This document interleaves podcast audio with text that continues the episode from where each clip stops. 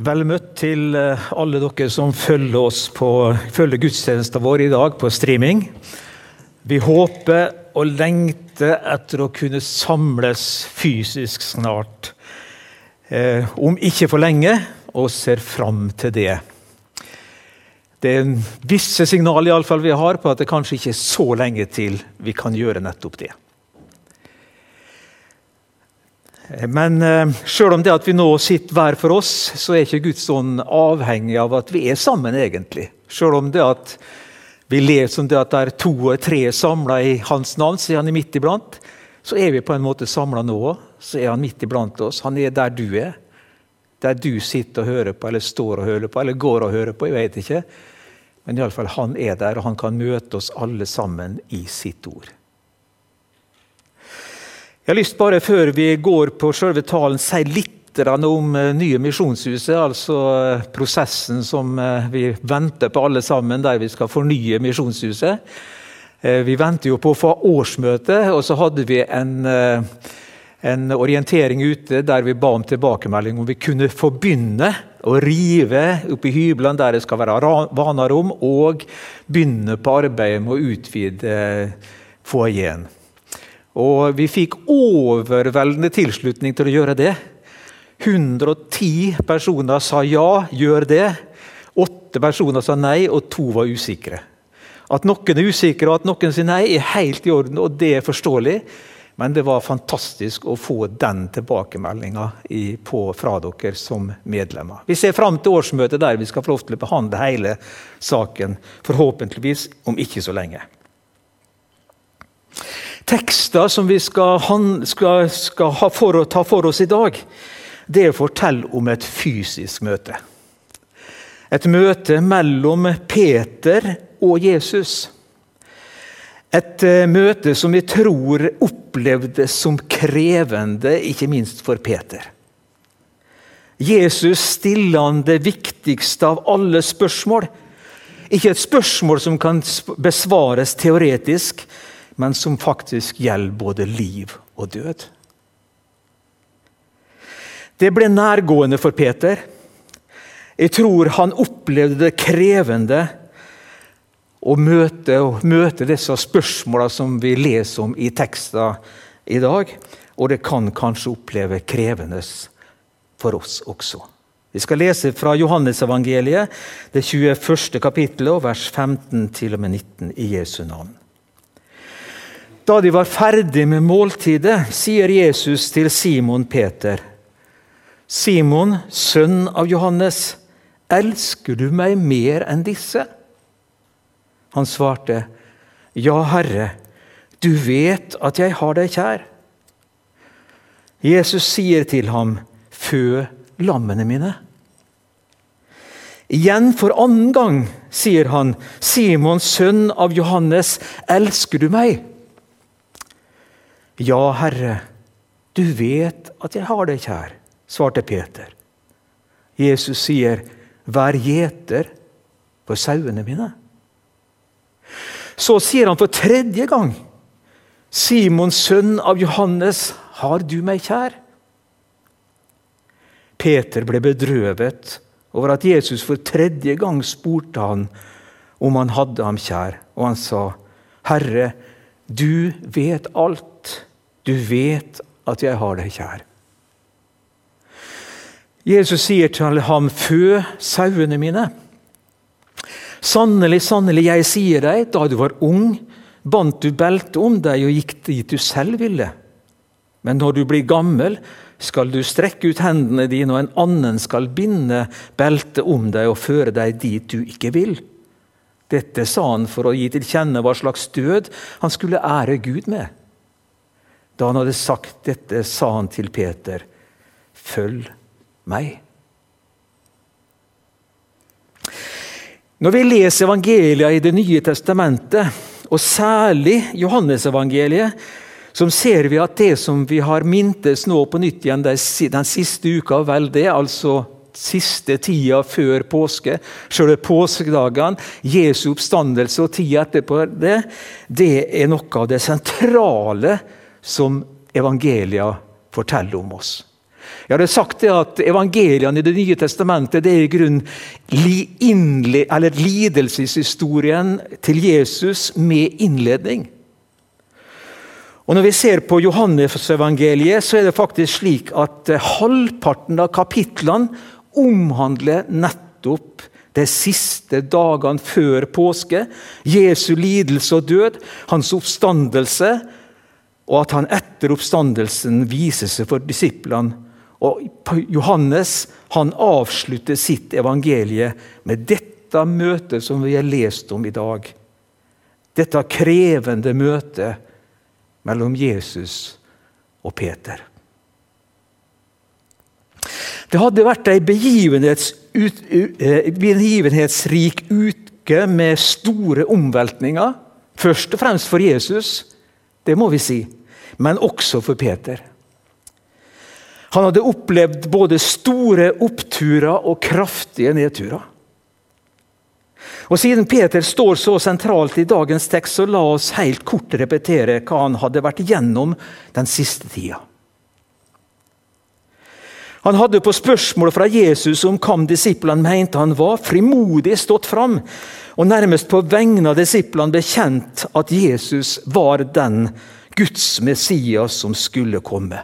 Du er den levende Guds sønn, sto han fram frimodig og bekjente overfor Jesus. Han hadde opplevd Jesu inntog i Jerusalem palmesøndag med jublende mennesker som ropte Hosianna, velsignet Han som kommer i Herrens navn, Israels konge. Det var nok en tanke hos Peter. Han ble begeistra for det som skjedde. Nå skjer det! Nå blir det snart klart for alle at han er Messias, kongen over Israel. Jeg tror det er nærliggende å tenke at Peter tenkte på den måten. Og Da Jesus senere etter de spist måltidet og de var på vei til Getsemane, igjen fortalte etter flere ganger tidligere også at han skulle bli tatt til fange, og at disiplene kom til å svikte han, så lovte Peter at selv om alle andre skulle komme til å svikte han, så skulle ikke det skje med han. Han skulle ikke svikte Jesus. Ja, Sjøl om Jesus forutsa at Peter kom til å fornekte han tre ganger, så sto han på sitt. Om så jeg må dø med deg, vil jeg ikke fornekte deg, sier Peter til Jesus. Og så, bare noen timer seinere, så ser vi at Jesus overfor ei tjenestejente i borggården i Pilatusborg nekter på at han hører til flokken rundt Jesus. Ja, Han ble tre ganger stilt spørsmålet er ikke du en av dem. Og Til slutt så banner han på at han har ingenting med denne personen å gjøre. Han kjenner ikke denne mannen. Og så leser vi at Peter går gråtende ut. Han gråt bittert, står det. Knust under sin egen feighet. Han hadde svikta Jesus totalt. Han hadde falt fra den høyeste bekjennelse 'Du er den levende Guds sønn'. 'Jeg skal aldri svikte dem, jeg sågar i døden med det'. Til en total fornektelse, der han banner på at han ikke hører Jesus til. Jeg tror at de to følgende dager måtte være noe av de to mørkeste og tyngste dagene i Peters liv. Og Vi ser det på disiplene også. De samla seg, men de låste seg inne i frykt for hva som nå kom til å skje. Men så det var noen kvinner som kom løpende og fortalte at, hadde, hadde, at Jesus hadde stått opp ifra graven. Ja, ikke bare det. De hadde møtt han, de hadde snakka med, med han. Og de skulle hilse til disiplene. Og så står det til og med ikke bare disiplene generelt, men òg til Peter. Var det likevel håp? Var det likevel et lys i tunnelen? For Peter også, når de fikk denne hilsen gjennom disse kvinnene som kom og fortalte at Jesus var stått opp. Hilsen var også til han som hadde svikta Jesus. Og Senere så fikk eh, Peter og de andre disiplene møte Jesus igjen flere ganger. Og etter de siste møtene kom han til dem en morgen ved Tiberiassjøen, hvor de hadde fiska hele natta uten at de hadde fått en eneste fisk. Men så på Jesu ord, så kasta de garnet ut enda en gang. Og så fikk de så mye fisk at de ikke greide å dra garnet opp, men kun måtte slepe det inn til land med båtene sine. Og Etter at Jesus hadde stelt til et enkelt måltid til dem der på stranda, og de hadde spist, da starter dagens tekst som vi har lest. De var, da de var ferdig med måltidet, sier Jesus til Simon Peter, 'Simon, sønn av Johannes, elsker du meg mer enn disse?' Jeg tror det at vi må være enige om at det hadde vært en opprivende tid for Peter. Det er ikke så vanskelig å tenke seg at det på dette bakteppet som vi nå har skissert for oss, og repetert litt av hva som hadde skjedd de to siste ukene, ikke var så enkelt for Peter å få stilt dette spørsmålet. Elsker du meg? Vi kan vel også oppleve opp- og nedturer i våre liv. Vi det, kan oppleve det trygt og godt å få lov til å høre Jesus til der vi kjenner oss frimodige og sikre og trygge i vår tro. Men så kan det komme situasjoner i våre liv der vi mer eller mindre svikter Han.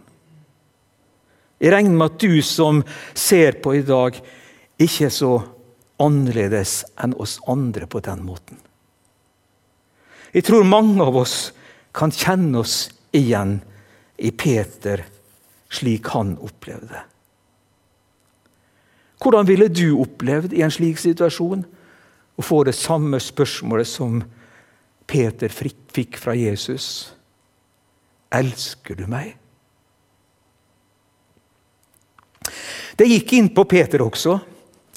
Tre ganger hadde han fornekta Jesus. Tre ganger stiller Jesus det samme spørsmålet.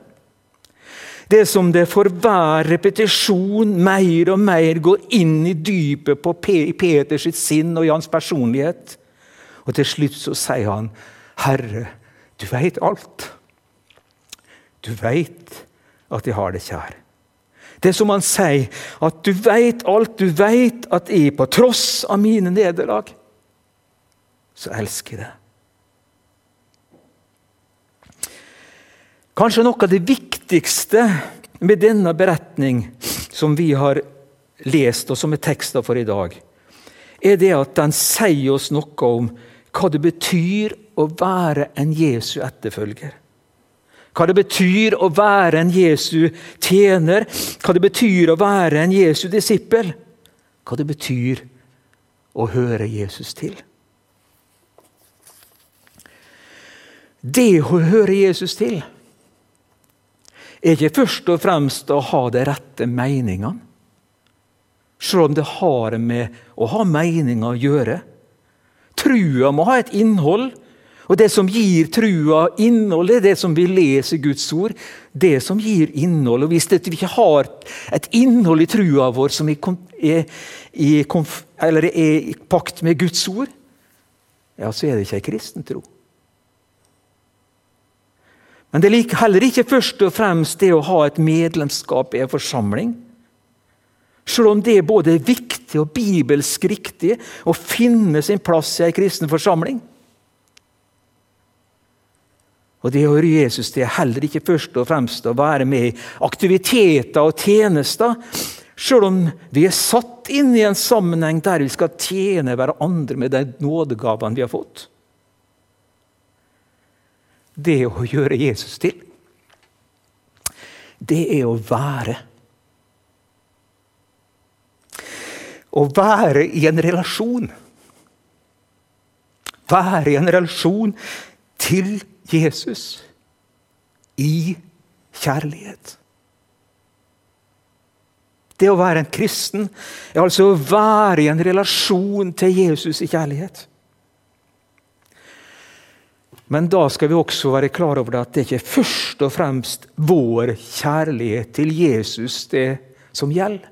Selv om vi kan tenke det ut ifra det måten Jesus stiller spørsmålet på til Peter elsker du meg? Men skulle det være slik at det var vår kjærlighet det kom an på, så ville vi aldri med et oppriktig hjerte kunne svare Jesus 'Du veit at jeg har deg kjær'. Nei, her gjelder først og fremst Guds kjærlighet til oss. Slik også Johannes uttrykker i sitt første brev i kapittel 4 og vers 9-10. Og ved dette ble Guds kjærlighet åpenbart blant oss, at Gud sendte sin enbårne sønn til verden for at vi skulle leve ved ham. Ja, dette er kjærligheten! Ikke at vi har elsket Gud, men at Han har elsket oss og sendt sin sønn til soning for våre synder. Uten dette bakteppet så blir det vanskelig å svare Jesus, du veit jeg har det kjær. Og I Romerbrevet 8 så forsikrer apostelen Paulus i sitt brev at denne kjærligheten den står fast. For alle, under alle forhold og til alle tider. For vi leser For jeg er viss på at verken død eller liv, verken engler eller krefter, Verken det som nå er, eller det som kommer, eller noen makt. Verken det som er i det høye eller i det dype, eller noen annen skapning skal kunne skille oss fra Guds kjærlighet i Kristus Jesus, vår Herre. Vi kan være trygge på Guds kjærlighet.